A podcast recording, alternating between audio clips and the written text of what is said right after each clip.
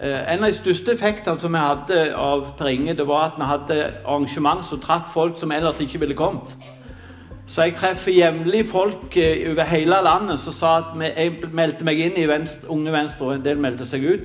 Men vi meldte oss inn på et arrangement hvor Per Inge var til stede. Og det var han som gjorde at vi kom. Og så hadde han en fascinerende evne til å sette politiske saker på dagsordenen på en måte som skapte engasjement. Men i bunnen for dette så lå det et sterkt engasjement for de som sleit.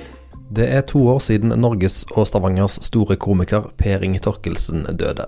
Den samfunnsengasjerte politikeren, forfatteren, tryllekunstneren og sjølerklærte klovnen er djupt savna av både publikum, familie og venner.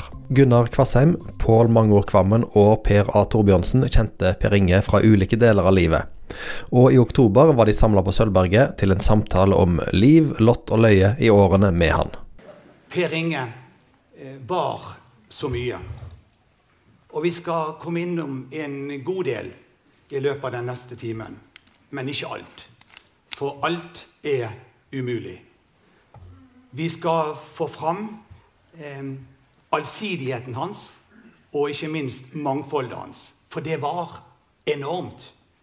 Han var humoristen, tryllekunstneren, revyartisten, forfatteren, politikeren, kåsøren, spaltisten, ja, han var samleren, vennen, familiemannen og mer til. Så dette blir mer enn en, bokprat, selv om vi skal selvfølgelig komme innom noen av hans kanskje mest eh, kontroversielle bøker.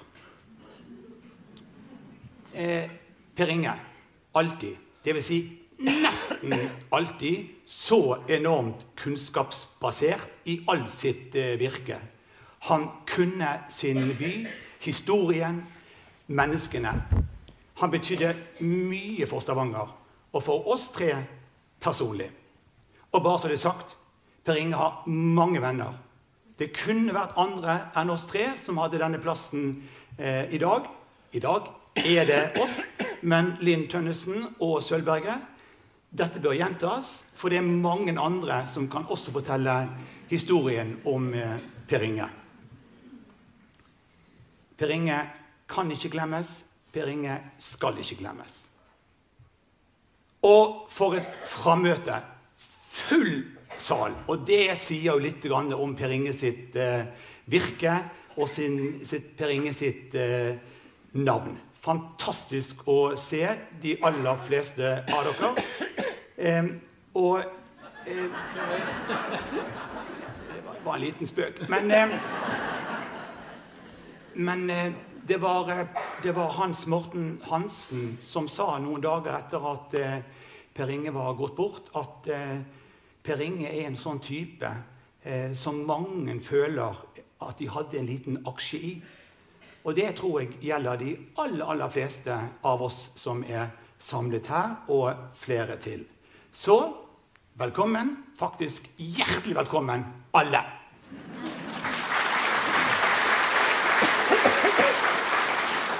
Og siden jeg ikke liker å snakke i storforsamlinger, så bare tre ting til.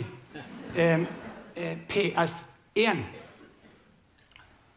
hviler mellom 16 og 1630.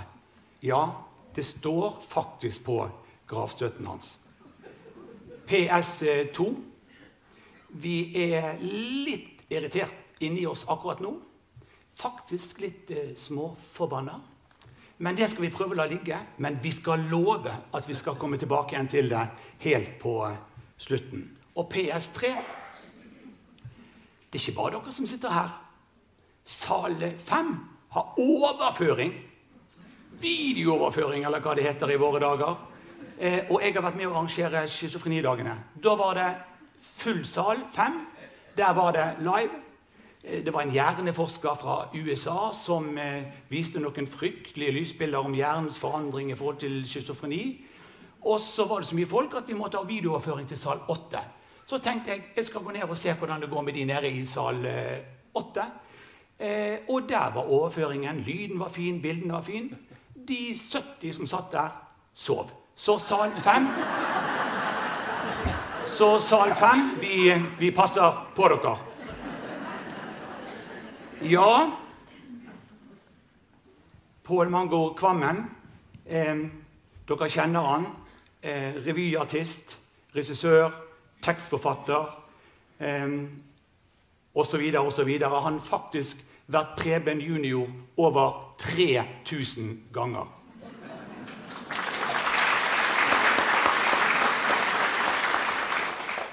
Gunnar Kvassheim, eh, redaktør i Dalane Tidende. Eh, stortingsrepresentant, statssekretær på statsministerens eh, kontor. Kom inn igjen i Egersund bystyre for SV nå. Ha-ha. Så Gunnar Kvassheim Mangkvarmen, dette skal gå bra. Og undertegnede Per A. Torbjørnsen. Og han kommer rett fra prekestolen, som han springer opp til hver dag. Hvis vi skal, hvis vi skal varme litt opp før vi blir litt mer sånn streng i forhold til regien Hva, hva historie trekker dere sånn umiddelbart eh, fram i møte med Per Inge? Ja, altså jeg ble jo kjent med Per Inge i 1983, når han var regissør på Munen skoleteater. Og det var da jeg sto på scenen for første gang. Så ble vi jo gode venner, og vi reiste en del sammen. Og Per Inge var veldig uh, Han var flink med penger. Han var ikke nadig, men han var nøy, nøy, nøye. Nøysomme, heter det kanskje. Og eh, når vi skulle til London, så gjaldt det å finne et hotell som var billig nok, men ikke så kjipt at vi ikke trivdes. Og jeg husker vi satt der en morgen, eller jeg satt om morgenen. Jeg står veldig tidlig opp, så jeg var nede i frokostsalen allerede klokka åtte om morgenen. Og satt og venta på de andre. Og da kom Per Inge inn sånn ca. halv ni. Da hadde han vært på auksjon. Så begynte klokka seks. Og da kom han inn i frokostsalen med en liten eh, sånn eh, blikkfigur som du kunne trekke opp, som gikk over bordet der, som han viste Den hadde han betalt 30 000 kroner for. Den nøysomme mannen. Og jeg ble jo litt overgitt når han ikke for så mange år siden ringte når han og Anne Mette var i Paris, for da var han litt fortvilte, for hun hadde lyst på ei veske som kosta 8000. Så minte jeg han på denne her lille blikkboksen, da, så jeg tror du fikk veska. Ja. Og en annen gang så satt vi på samme hotellet, og da hadde Per Inge for første gang så vidt jeg vet, vært og kjøpt klær sjøl.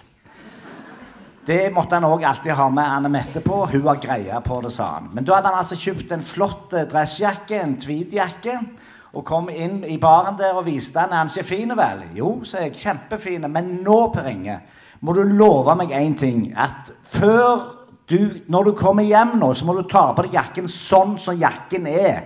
For det er sånn en jakke skal se ut. Du må ikke klippe opp lommene og begynne å bruke dem. Nei, nei, nei, skal ikke det. Så gikk det akkurat ti minutter, så kom han ned fra rommet igjen, inn i baren. Da hadde han klippet opp lommene. I den ene lommen hadde han en halv brennevin og røyk. Og i den andre hadde han et par notisblokker. Så det bulte ut. Han så ut som en uteligger. Så da var det øyeblikket ødelagt på 0,0. Så eh, vi har hatt veldig mange kjekke turer sammen, og vi har diskutert mange ting sammen. Jeg likte godt å diskutere med Per Inge.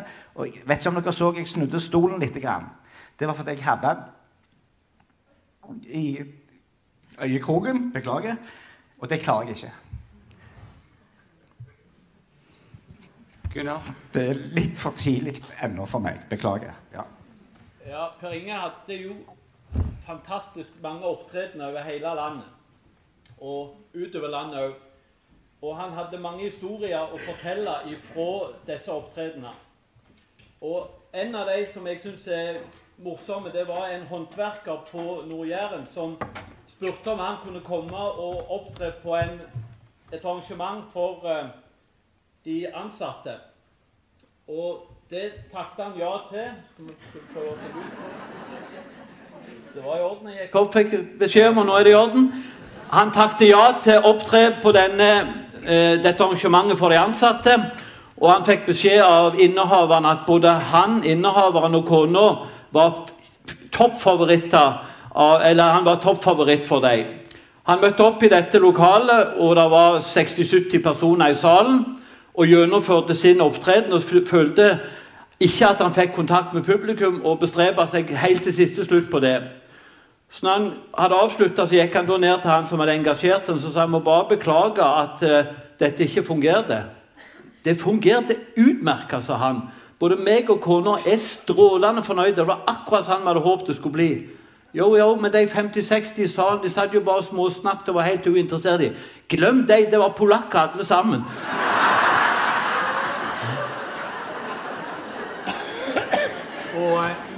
Min lille historie kan dere. Eh, da må vi til eh, Oslo.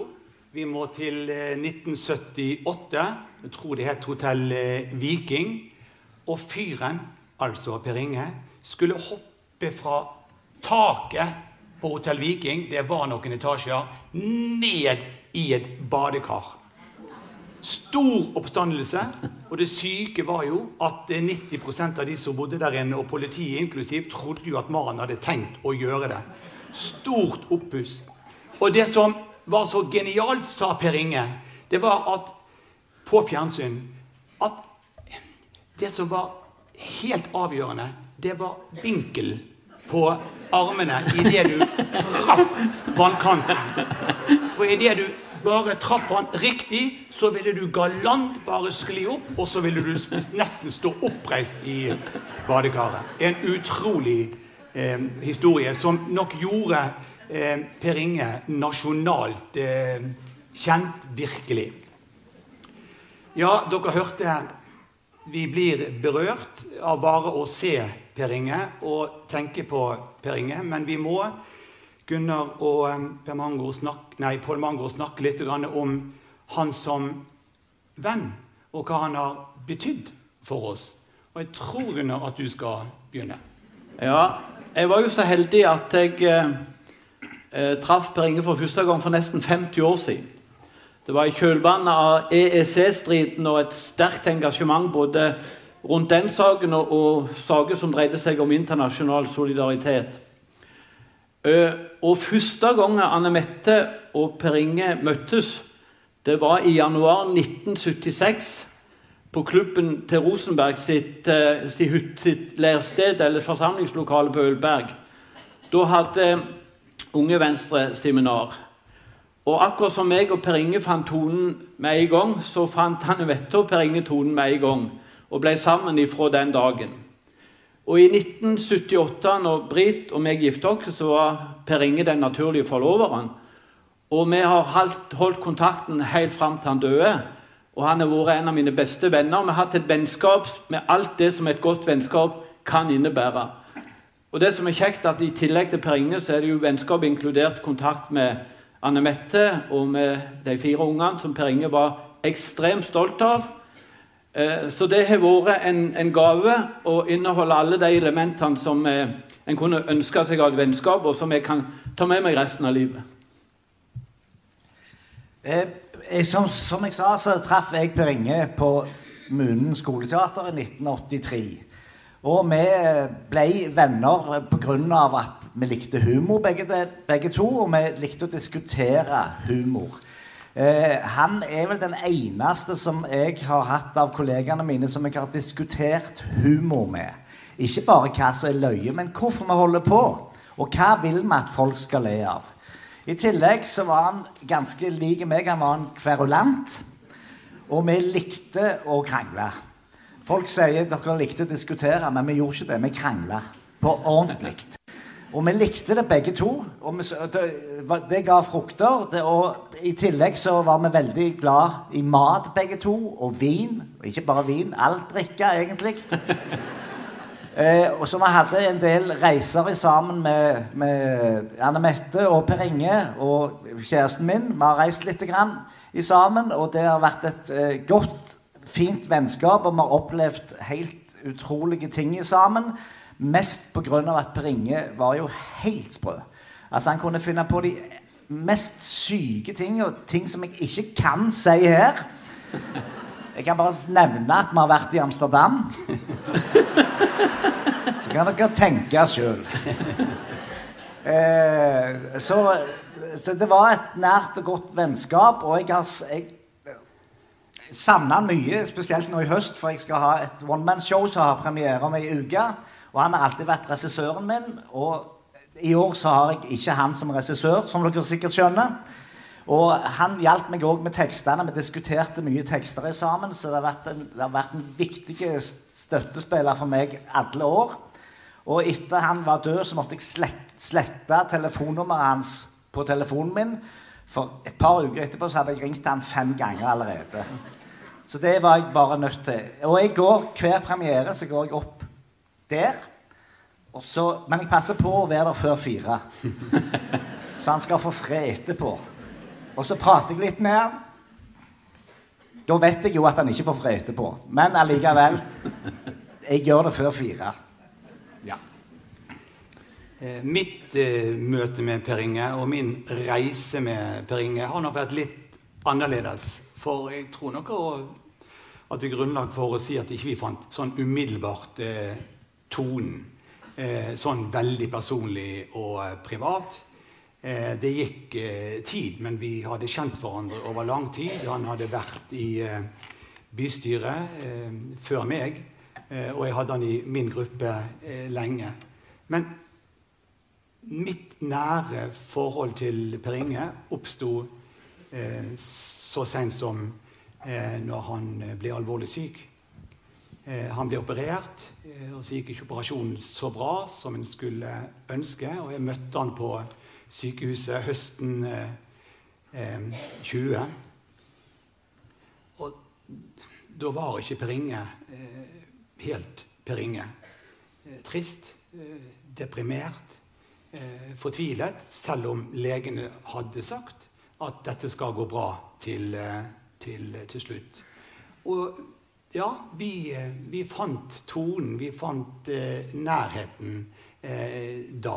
Og jeg gikk og besøkte han eh, regelmessig gjennom det nesten neste eh, året. Og vi kom nær hverandre, og vi begynte å glede oss til at, vi, at han skulle bli frisk og kunne komme ut i virke igjen. Og vi ble enige om at nå var det muligheter for å dyrke et eh, personlig vennskap. Per Inge har betydd eh, mye for meg eh, personlig. Vi må snakke om eh, forfatterskapet hans, fordi at dette er et eh, møte om bøker. Eh, vi har trukket fram tre. Du har trukket fram én bok, kanskje den mest kontroversielle. Gunnar. Ja, det, det er jo et paradoks at Per Inge til de grader ble eh, kobla mot idrett. For han sa jo sjøl at han hadde en kropp som bare kunne brukes til to ting innen idrett. og Det var som kost på curlingbanen og som hjørneflagg på fotballbanen. Og det, og det er jeg stolt av, sa han. Altså, Idrettsboken som kom ut i eh, 1992, ble jo ekstremt kontroversiell. Og den er en god illustrasjon på Per Inges forfatterskap. Han usedvanlig, var usedvanlig modig, og han var usedvanlig kunnskapsrik. Og når han kombinerte det motet med kunnskap, så slo det hardt når han slo til. Og det gjorde denne idrettsboka. Han sa jo sjøl at han likte å sette ting på spissen, for da sto de best, og da skar de djupest. Eh, Og den idrettsboka er, er et eksempel på det. Og det han satte søkelyset på, er jo ting som dessverre fortsatt er aktuelle, og på noen områder bare blitt mer aktuelle.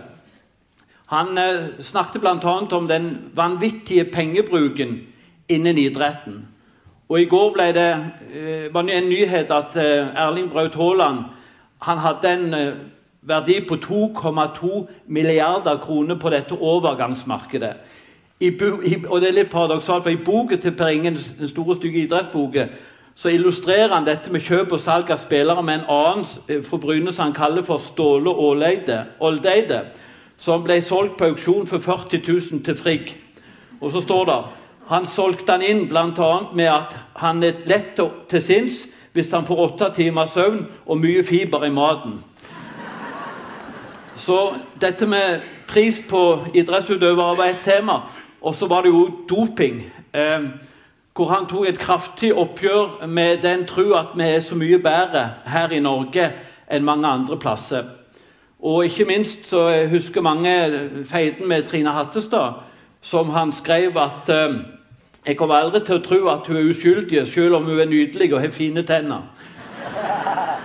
Det endte jo opp med en, en, en sak i forliksrådet hvor Per Inge måtte betale 100 000 kroner. Men det var, tror jeg var en god investering for den oppmerksomheten det ble rundt boka pga. den feiten den gjorde godt på salget. Spiseforstyrrelser var jo et tema som han tok opp. Og jeg tror han har hatt en stor betydning for å sette søkelyset på mye uvesen innenfor idretten. Og eh, har hatt en effekt som eh, mange som jobber innen idretten, ikke har oppnådd med sitt engasjement. Og så er det klart at det utsagnet han ga med 'gi ungdommen ei flaske brennevin før idretten tar, han, tar de', det er et utsagn som er kjent over hele landet. Og så, hørte, og så likte han òg å skryte av at han var en av de få som hadde røykt på en fotballbane. Det skjedde når han var innbytter en gang på havdur, sa han. Ja, Apropos kontroversiell. Den der eldre boka, den, eh, den, den satt, den også? Ja, den satt jo som et skudd. Eh, jeg vet ikke om dette rette forsamlingen å ta dette opp i, men hvis det hadde vært akkurat denne aldersgruppa som satt her den gangen boka kom ut, så hadde det blitt kasta noen flasker og noen skjellsord denne veien hvis Per Inge hadde sittet her. Eh, han mente jo at eh, pensjonister var jo folk som hadde nedbetalt gjelda si, og at de hadde små foreninger og klubber som de satt og sutra og klagde i. Eh, og det er klart, det gjorde jo noe med pensjonistene, som er sure fra før av. De ble jo ikke blidere av det. Eh, jeg ser jo de fleste her inne går til samme frisøren. De som farger bare hvitt. Og eh, jeg husker ikke helt når denne boka kom ut, men kan tenke meg 2000. 2000, ja. Det var vel han rundt 47 år, eller noe sånt. Kan bare si en ting, altså Anne Mette sagt til meg at de, grunnen til at det gikk åtte år mellom idrettsbok og den eldre boka, var at du orka ikke all det spetakkelet som det ble gitt idrettsboka før det hadde gått noen år. Og derfor så skrev han begravelsesboken mellom de to uh, bøkene. Ja, den må dere lese, forresten. Uh, for det er jo ikke lenge til.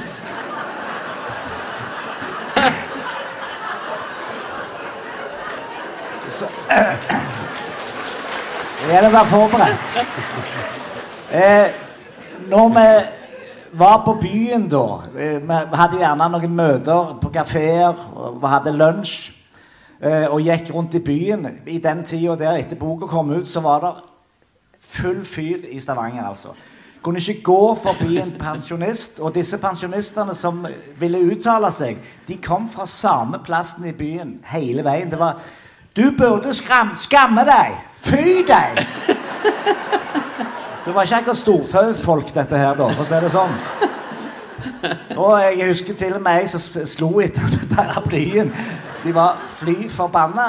Og for meg så var det mer et tegn på at han hadde truffet spikeren på hodet. Her var det jo noe.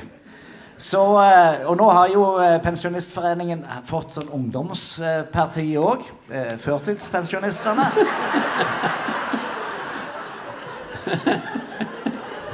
Det er vel gjerne dere vi har her i dag. Nei, så det, så det ble jo det ble jo gale. Han fikk jo store overskrifter i Rogalands Avis. Jeg tror til og med de måtte ut og unnskylde seg etterpå. Men det var jo vanskelig med Per Inge når han uttalte seg om idrett og om eldre. For det at eh, han var jo politiker òg. Og han kunne mye. Mye om politikk. Han visste hva de eldre fikk. Han visste mye om idrett. Han var interessert i idrett. Ikke i selve idretten, men statistikken. Tallene. Rundetider. Og så det å skille Det for folk som ikke lever av humor, å skille Det som på en måte var sannheten i dette, og humoren, var veldig vanskelig. Og det var gjerne litt av grunnen til at det ble så kontroversielt som det var, og at folk ble så forbanna som de ble.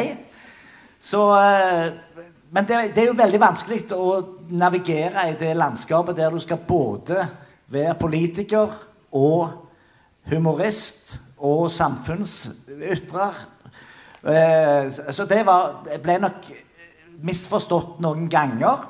Eh, Iallfall mente han det. Jeg mente jo at de hadde forstått det helt riktig. Men det var egentlig mest for å være uenige med han. Og Jeg tror også at det endte med politianmeldelse for noen av de verste utsagnene.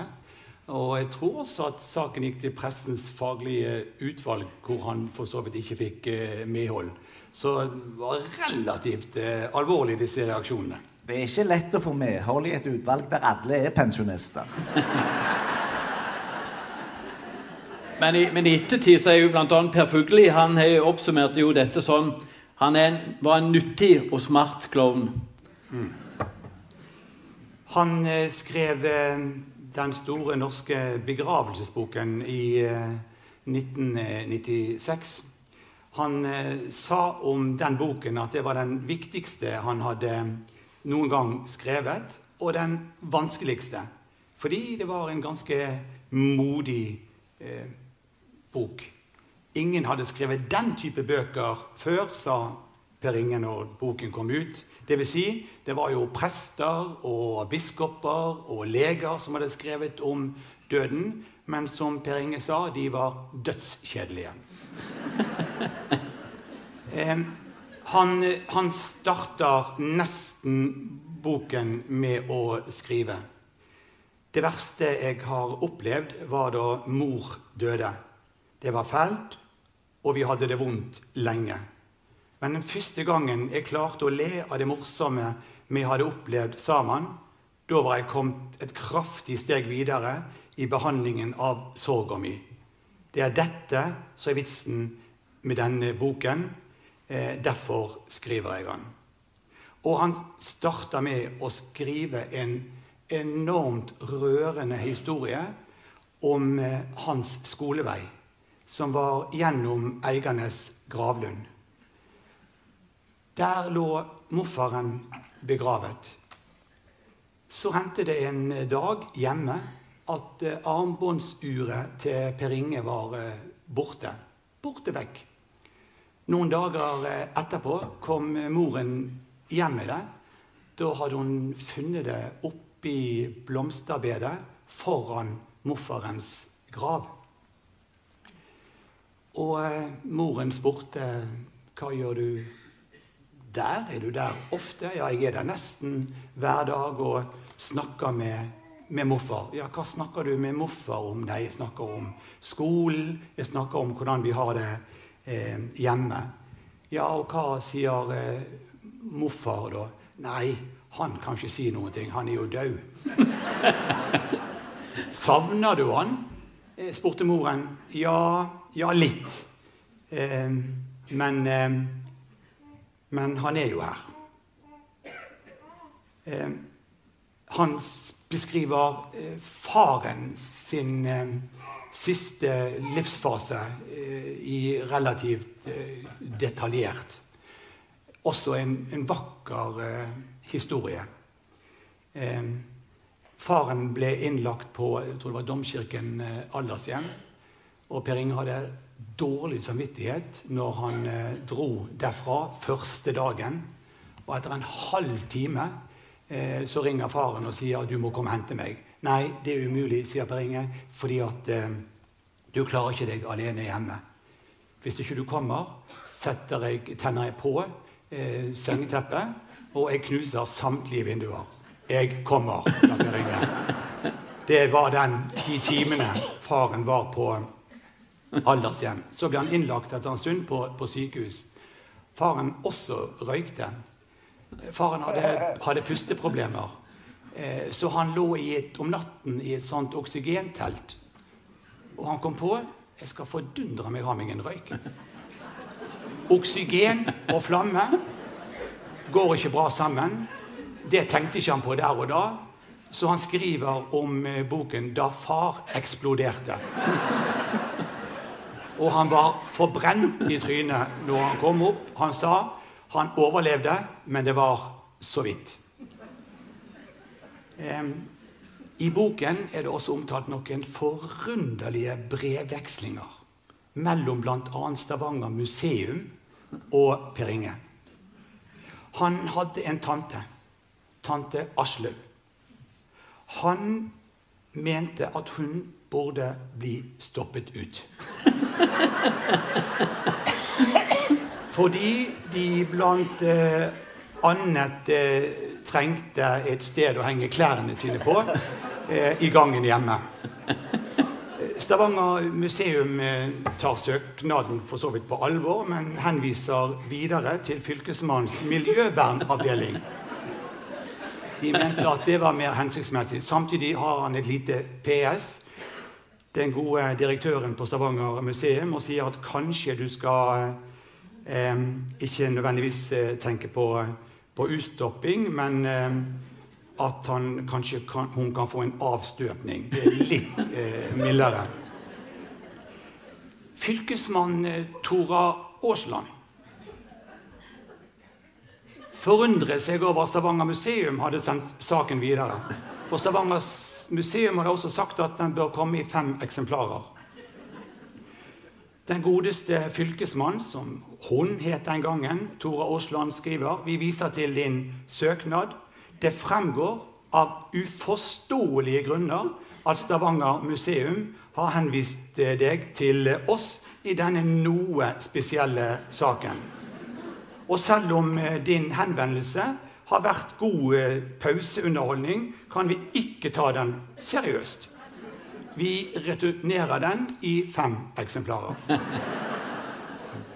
Men en viktig bok hvor eh, døden kommer nærmere. Jeg leste gjennom den en gang til og kjente ja, den gjør, den gjør noe med deg. Eh, du må tenke, du må reflektere. Dette kommer mye nærmere. Vi snakker ikke så mye om det. Eh, og det var Per Inge sin eh, store mantra at dette må det være åpenhet omkring. Dette må vi våge å snakke om i, eh, i familiene våre. Og av ingen av de grunnene som han prøvde å insinuere i sted, så vil jeg anbefale boken. Han var Men, ja, ja, for det jeg skulle si Når det gjelder begravelsen bare si, han, Det var hans idé at vi skulle synge 'Gøy på landet' i begravelsen. Og det satt langt inne. Men jeg tror alle som var der, og alle som kjente han, var kjempeglade for at vi gjorde det. For det var tøft. Det var tøft for oss, og det var tøft for han som lå i kista. Yes. Ja, det var tøft for oss. Jeg tror jeg aldri har sunget den sangen med tårer i, eh, i øynene. Men eh, han, var jo, han utga jo over 25 bøker, de fleste alene, noen sammen med andre. Her fremme ligger det eh, noen av de. Men han var jo, han var jo litterært menneske. Han, men det var, det var ikke helt hva som helst han interesserte seg for. Han leste jo alt. Og det var helt spesielle ting. Han kunne komme på Stavanger og si I dag har jeg lest en bok om, som en som har skrevet eh, en professoroppgave om. Ja, hva handler den om, da? Den handler om insekter. Hvordan de dauer på bilene når du kjører. Hvordan de skvises. Så gikk det en halv time av den prøven da, der han skulle forklare hvordan de forskjellige insektene ble skvist i forskjellige land og forskjellige hastigheter på forskjellige biler. Så sånn var Han jo han var interessert i helt spesielle ting. Og det er jo mange som tenker på Per Inge når vi tenker på disse myntene som han eh, som kom i, på filmen etterpå. Og når han skal hoppe i badekaret, så tenker folk alle kunne jo gjort det. De kunne ikke det. Det var han som kom på det. Det var han som De tingene som han skapte her i byen med humor Det var han som kom på det. Det var han som torde å gjøre det. Mange ganger satt vi og sa det kan vi ikke gjøre. det kan vi ikke gjøre det. Da blir folk helt galne. Men han gjorde det allikevel. Og det gjør at vi kommer til å huske han for alltid. Er det mer å si om eh, litteraturskapet hans? Nei, men det er vel naturlig å gå videre til, til, neste, til neste og da er vi på eh, Per Inge som eh, politiker. Du traff han Ja, men skal vi ikke innom Aftenbladet-skriveriene der? ja, om en liten stund, Gunnar. Ja vel. Da tar vi politikere. Altså, jeg, jeg fikk kontakt med Per Inge gjennom politikken. Og han var veldig interessert i eh, politikk og godt skolert. Eh, en av de største effektene som vi hadde av Per Inge, det var at vi hadde arrangement som trakk folk som ellers ikke ville kommet. Så jeg treffer jevnlig folk eh, over hele landet som sa at jeg meldte meg inn i venstre, Unge Venstre, og en del meldte seg ut. Men vi meldte oss inn på et arrangement hvor Per Inge var til stede. Og det var han som gjorde at vi kom. Og så hadde han en fascinerende eh, evne til å sette politiske saker på dagsorden på en måte som skapte engasjement. Men i bunnen for dette så lå det et sterkt engasjement for de som sleit. Han var veldig opptatt av å legge til rette for at de som hadde problemer, skulle få hjelp gjennom politikken. I tillegg til at vi som medmennesker stilte opp. Så Derfor var det jo rørende at eh, den dagen som han ble begravd, så lå der en bukett blomster til ikke det, Pål, på, på eh, i Rosa, ja. På eh, gjerdet rundt eh, gravlunden. Og den var levert av en person som eh, åpenbart sleit, men som ville kvittere ut at eh, Per Inge stoppet opp og snakket med han, og han følte at han betydde noe for han. Og sånn eh, opplevde jeg når jeg var ute og gikk tur med han. Det var masse folk kjente han selvfølgelig og ville snakke med han. Og jeg begrep ikke at han alltid hadde tid til både å være vennlig og snakke med folk og fortelle det de spurte på. Og han lurte også på hvem de var, hvor de kom ifra. Så det, det var en utrolig interesse for mennesker som var ekte. Og så var han sterkt interessert f.eks. innenfor kultur. eh, hvor han òg krangla med Per, eh, for det gikk bl.a. hvor han skulle bruke pengene henne når det gjaldt anleggssektoren osv. Han var opptatt av bredde og at mangfold både innenfor kulturen og og også den delen av kulturen som idretten er. Så han har sett spor etter seg, og det var ikke uten grunn at Abid Raja var til stede i begravelsen hos Per Inge.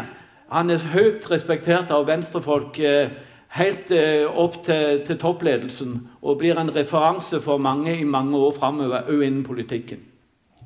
Ja, og han eh, kom inn i Stavanger bystyre allerede rundt 1980 sammen med Turi Wischmann, som sitter her i salen. Så kom han tilbake igjen i, for fullt i 2007. Jeg tror han kom fra sånn nummer 140. plass og rett inn i, i bystyret. Da kom han sammen med Iselin Nybø, som sitter eh, der oppe.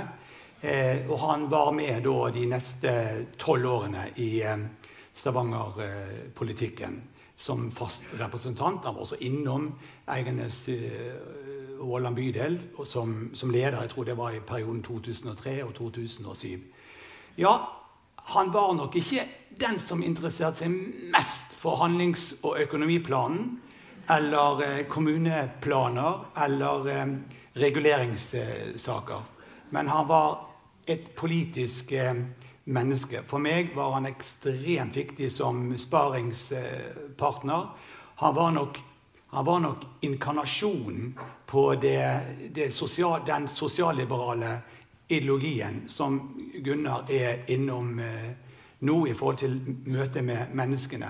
Men han har jo betydd enormt politisk for eh, Stavanger. Ikke noe barnemuseum i denne byen uten eh, Per Inge. Og det står der nå, oppe på Akropolis-høyden, og Barnemuseet ruver. Per, Inge sitt initiativ, Per Inge sitt engasjement og gjennomføringskraft.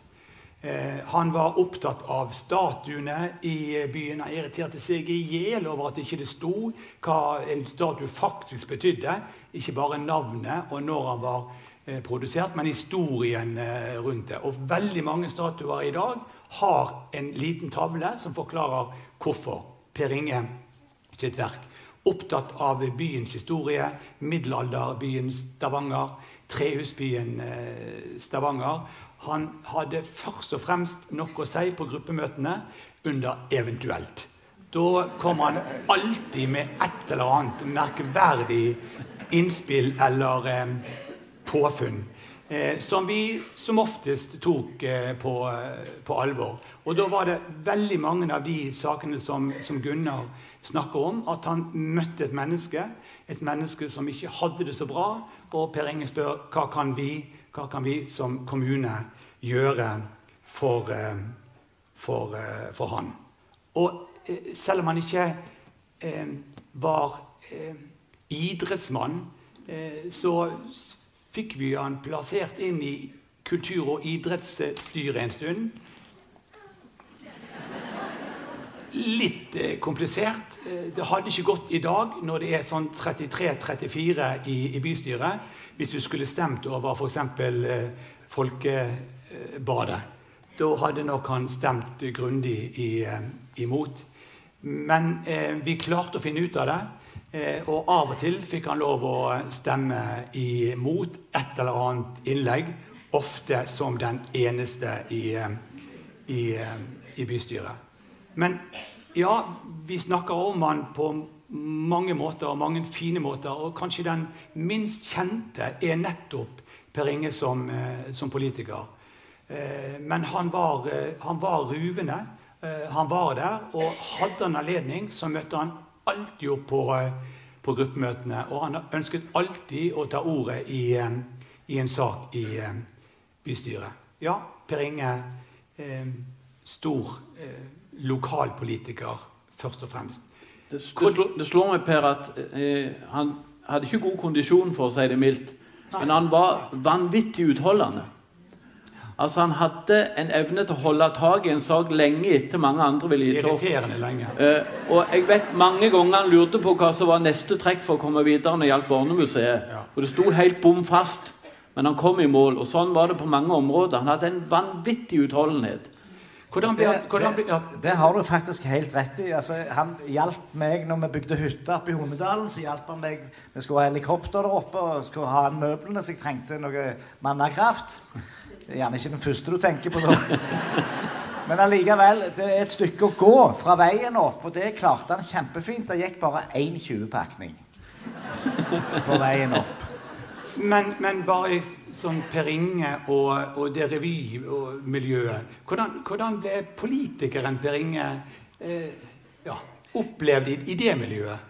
Ja, altså Vi hadde jo en del diskusjoner, og jeg eh, ble jo på mange måter slått i bakken, eh, bokstavelig talt, holdt jeg på å si, av Per Inge. For vi, vi, som driver med humor, har gjerne ting vi har lyst til å si noe om, spøke om. Eh, og det hadde jo definitivt beringet, Men det måtte være riktig. Det måtte være korrekt. Og mange ganger når jeg kommer med et nummer Dette syns jeg er løye. At, at, at, kommunen kan gjøre det. det. Det er jeg helt imot. Dette må vi ha et nummer om. Og da kom han gjerne med ei bunke med papirer som han hadde lest fra bystyret. Les den først. Det var 100 sider. Så vet du hvorfor vi gjør det. Og det er jo sånn vi som ikke er i politikken, vi er. Det ser vi gjerne på Facebook og sånn òg, der folk har hele folkevedet uten å vite hvorfor ting skjer. Og at ting gjerne må skje i den rette rekkefølgen. Og det som alltid overrasker meg med Per Inge, det er ikke bare politikken, men alt. Han hadde enorme kunnskaper om alt fordi han var sånn nysgjerrig. Mm. Så hver gang vi diskuterte et eller annet, så, så fikk jeg på trynet, altså. Da var sånn Ja, det, men det er ikke sånn, sier han. Jo, sier jeg. Det er sånn. Nei, nei, les den. Oh, shit. Så fikk jeg på trynet igjen.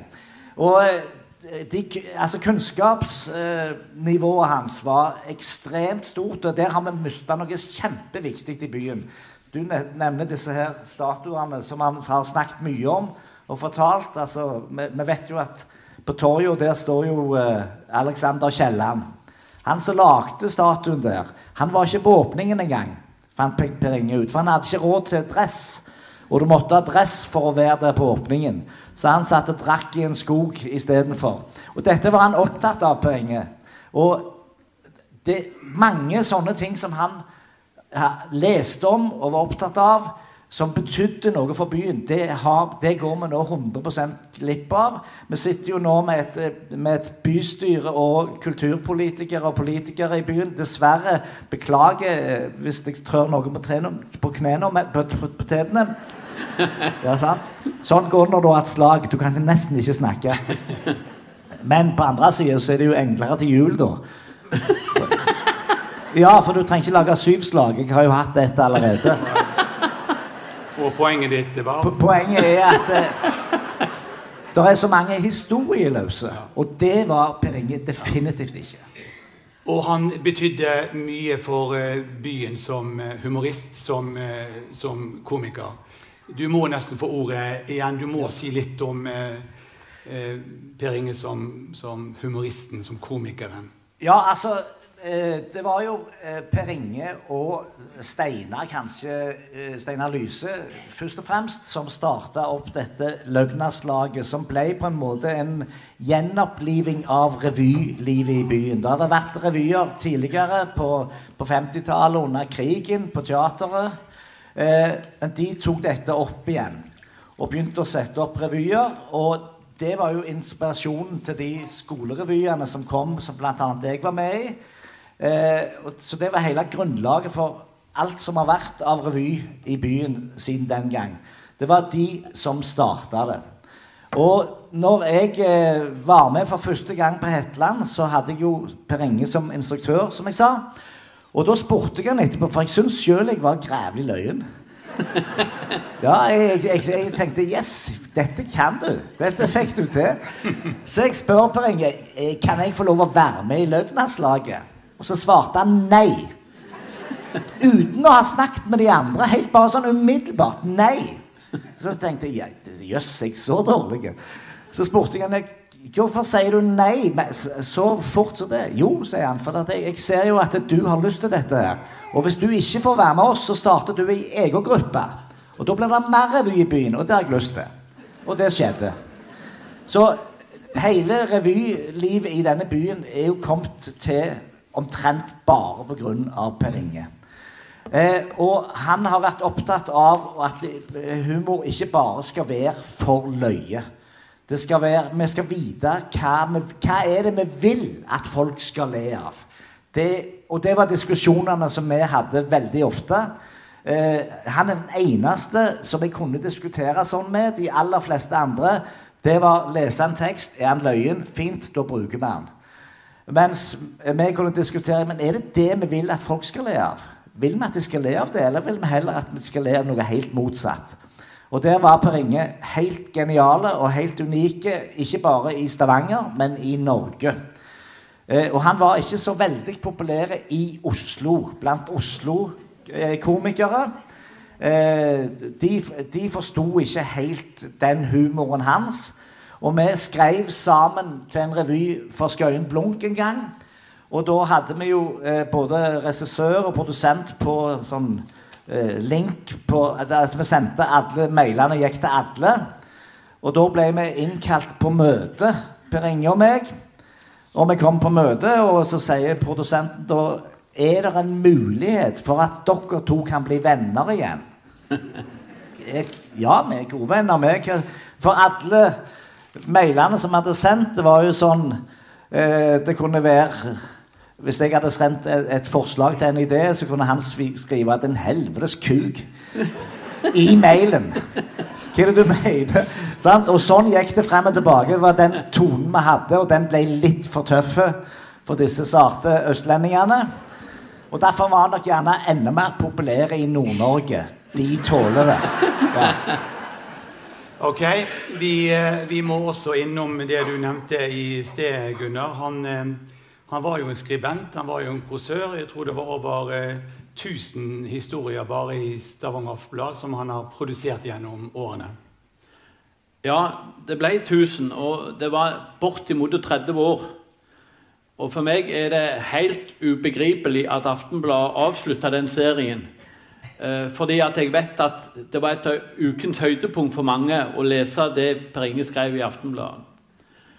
Og Her var det både skjemt alvor. En av de tingene som eh, Anne Mette fortalte var mest respons på, Det var når han skrev eh, akkurat det du nevnte, eh, etter at mora var død. Men det var jo mye skrekkelig løye. Eh, I romjulen i, i 1989, eh, da var Jens baby. Da hadde Torleif og Ingvild og Per Inge de hadde fått lus. Og Da skrev han et stykke i Aftenbladet med overskriften 'Når lusene tennes der hjemme'.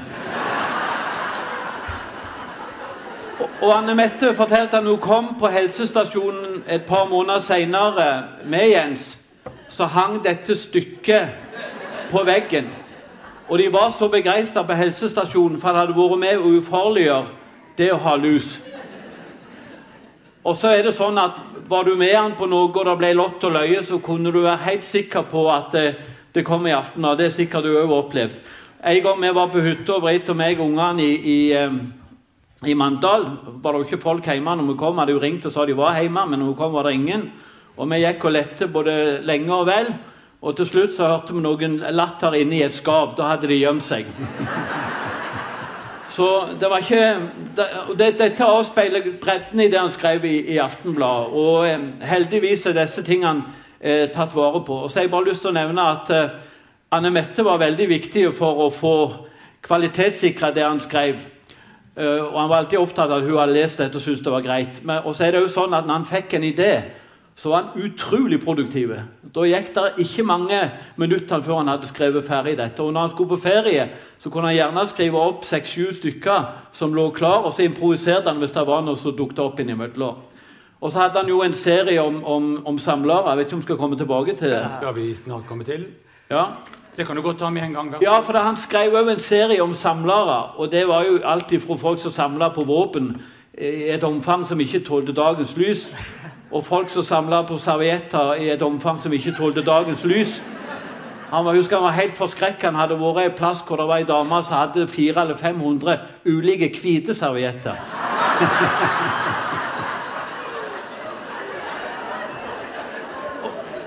Og Anne Mette har jo fortalt at det gjorde så sterkt eh, inntrykk når han har møtt disse, disse menneskene som brukte mer tid på samling enn på arbeid, at han eh, begynte å trekke seg litt tilbake i forhold til sin egen samle, samle, samlevirksomhet, som jo er formidabel.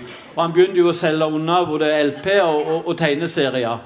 Og, og med Per Inge som samler burde vi for øvrig vært innom, for det er et imponerende kapittel. Han samla på fajanse, på leke, på musikk, på lokalprodusert eh, litteratur osv. Og, så videre, og var fascinert av at eh, tegneserier var lagd lokalt, leke var lagd lokalt. Så de samlingene han har hatt, er helt unike på, på en rekke områder. og det var jo sånn at når han så unge fikk eh, Hardy-guttene bok nummer åtte, så var han sykt opptatt av å få tak i de sju første, og så de resterende. For da ble dette komplett. Det var ikke bare boken, men det var også samlingen som var viktig for han. Ja, og eh, du nevnte våpen. Altså, når han fortalte den historien altså, Aftenbladet Aftenblad skrev jo denne eh, serien om samlere. Så var de i ei blokk midt i Stavanger der det var en som samla på våpen. Og Aftenbladet Per Inge går inn der, og der er det altså bazooka og håndgranater. Og dette er ikke plomble, plom, plomble, plomberte greier. Dette er live. Det er ekte ammunisjon. Det var nok til altså, Ukraina hadde tatt imot det med glede nå. Og dette var altså i en boligblokk i Stavanger, der det bodde andre folk. Hele driten kunne gå til himmels. Og så fortalte han om en som ikke kunne la være å samle på avisene før han var helt ferdig med både kryssord og sudoku og alt.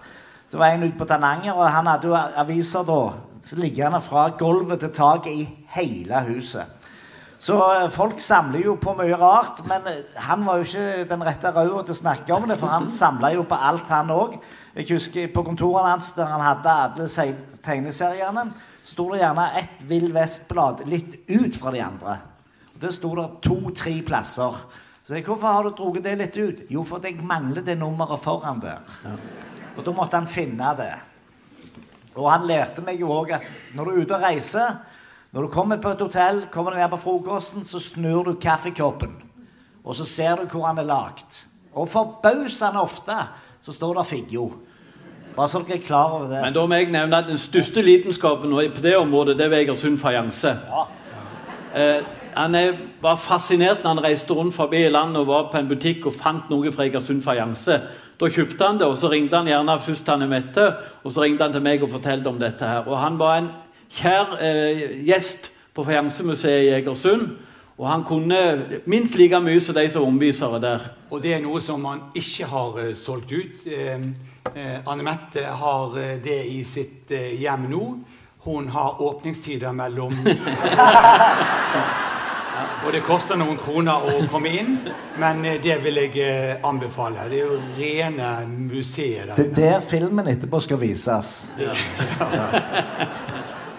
Vi må gå inn for eh, landing, og et litt sånn sårt eh, punkt eh, nesten til, til slutt. Ja. Savner du han? Ja, jeg savner han hver dag. Det som jeg syns gjerne vi må ta en liten prat om her på slutten, det er at rett etter han var død, så var det veldig mange flotte ord i avisene. Vel fortjent. Det var mange som gikk uttalt, ut, ut, uttalte seg. Kommunen var på plass. altså Alle var på plass, og her skulle det lages noe. Skal komme en plass, eller ei gate, eller et eller annet.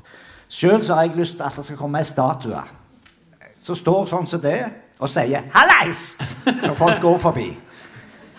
Men det har bare rent ut i sanden. Så vi oppe i Stavanger vi har bestemt oss for at dette må vi klare å få til. Men vi trenger hjelp. Vi trenger at noen eh, sier litt Hva ønsker de? Eh, hva, hvordan skal vi på en måte få Per Inge til å vise La han være en del av bybildet videre òg. For meg er det kjempeviktig. Og jeg tror at familien òg vil sette pris på det.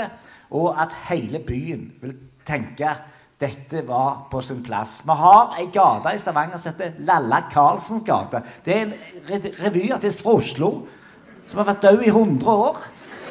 Altså, Vi må jo få ei gate, i alle fall. Enig, og det skal vi komme også litt tilbake igjen helt det siste minuttet. Men eh, Gunnar, savn du familie? Ja, jeg gjør jo det. og Jeg kan ikke si så mye om det, for da går det med meg som det gjorde med Pål her det er klart du savner en person du har vært så mye sammen med, og hatt så mye gøy med, og hatt så mye glede av og nytte av.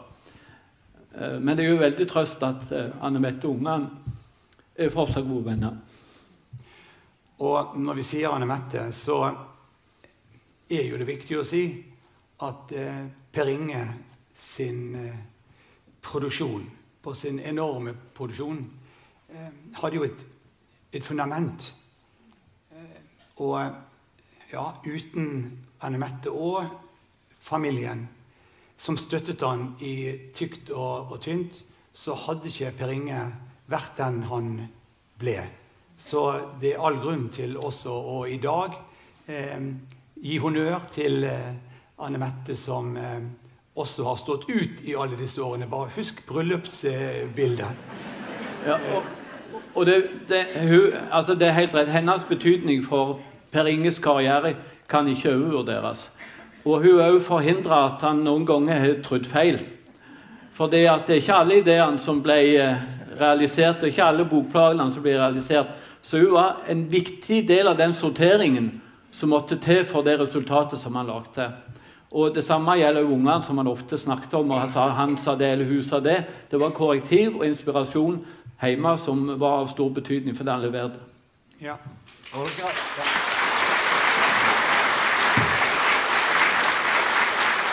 Dere har gjerne hørt noen sånne små barnelyder her foranfra. Når vi først har snakket om produksjon, produksjonen hans. Det er det siste barnebarnet. Så det er deilige lyder. Livet går videre. Og et av eh, barnebarna heter eh, Per, og det var Per Inge veldig stolt av. For han, han, fikk navnet vel under Per Inge sin sykdomsperiode. Vi eh, skal, det er dette som gjorde oss litt sinte. Det var dette jeg lovet vi skulle komme tilbake igjen til. Det som blir, blir nevnt om at det var ikke grenser hvordan folk gikk ut relativt raskt etter at Per Inge var død. At nå skal byen virkelig minnes Per Inge. Det ble tatt opp politisk, det har vært sak på det. I dag ingenting har skjedd. Eller relativt sett ingenting har skjedd. Så hvis vi ønsker at det skal komme ut noe av denne eh, dagen, dette møtet, denne timen, så er det at de som har ansvaret for det, får fordundre meg for fingeren ut og finne en god løsning på hvordan man skal minnes eh, Per Inge i et stort eh, byperspektiv. Det ble sagt at familien skulle tas med på råd. Politik, andre politikere jeg skal ikke nevne navn, skulle tas med på råd. Relativt sett lite har skjedd. Så det får fordundre meg, alle de som tok initiativ til det dagene etterpå han døde, følge opp. Det er et ansvar som pålegger de og eh, kommunen.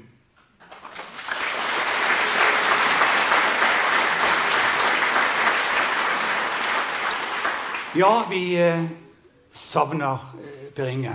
Men det er kanskje blitt litt sånn som det ble for Per Inge og, og moren. At etter at eh, den verste sorgen hadde gitt seg, etter at den verste smerten hadde gitt seg, så er det mulig å le og smile og være takknemlig. Og i så måte så har jo familien Torkelsen et hav å ta av. Takk, Per Inge.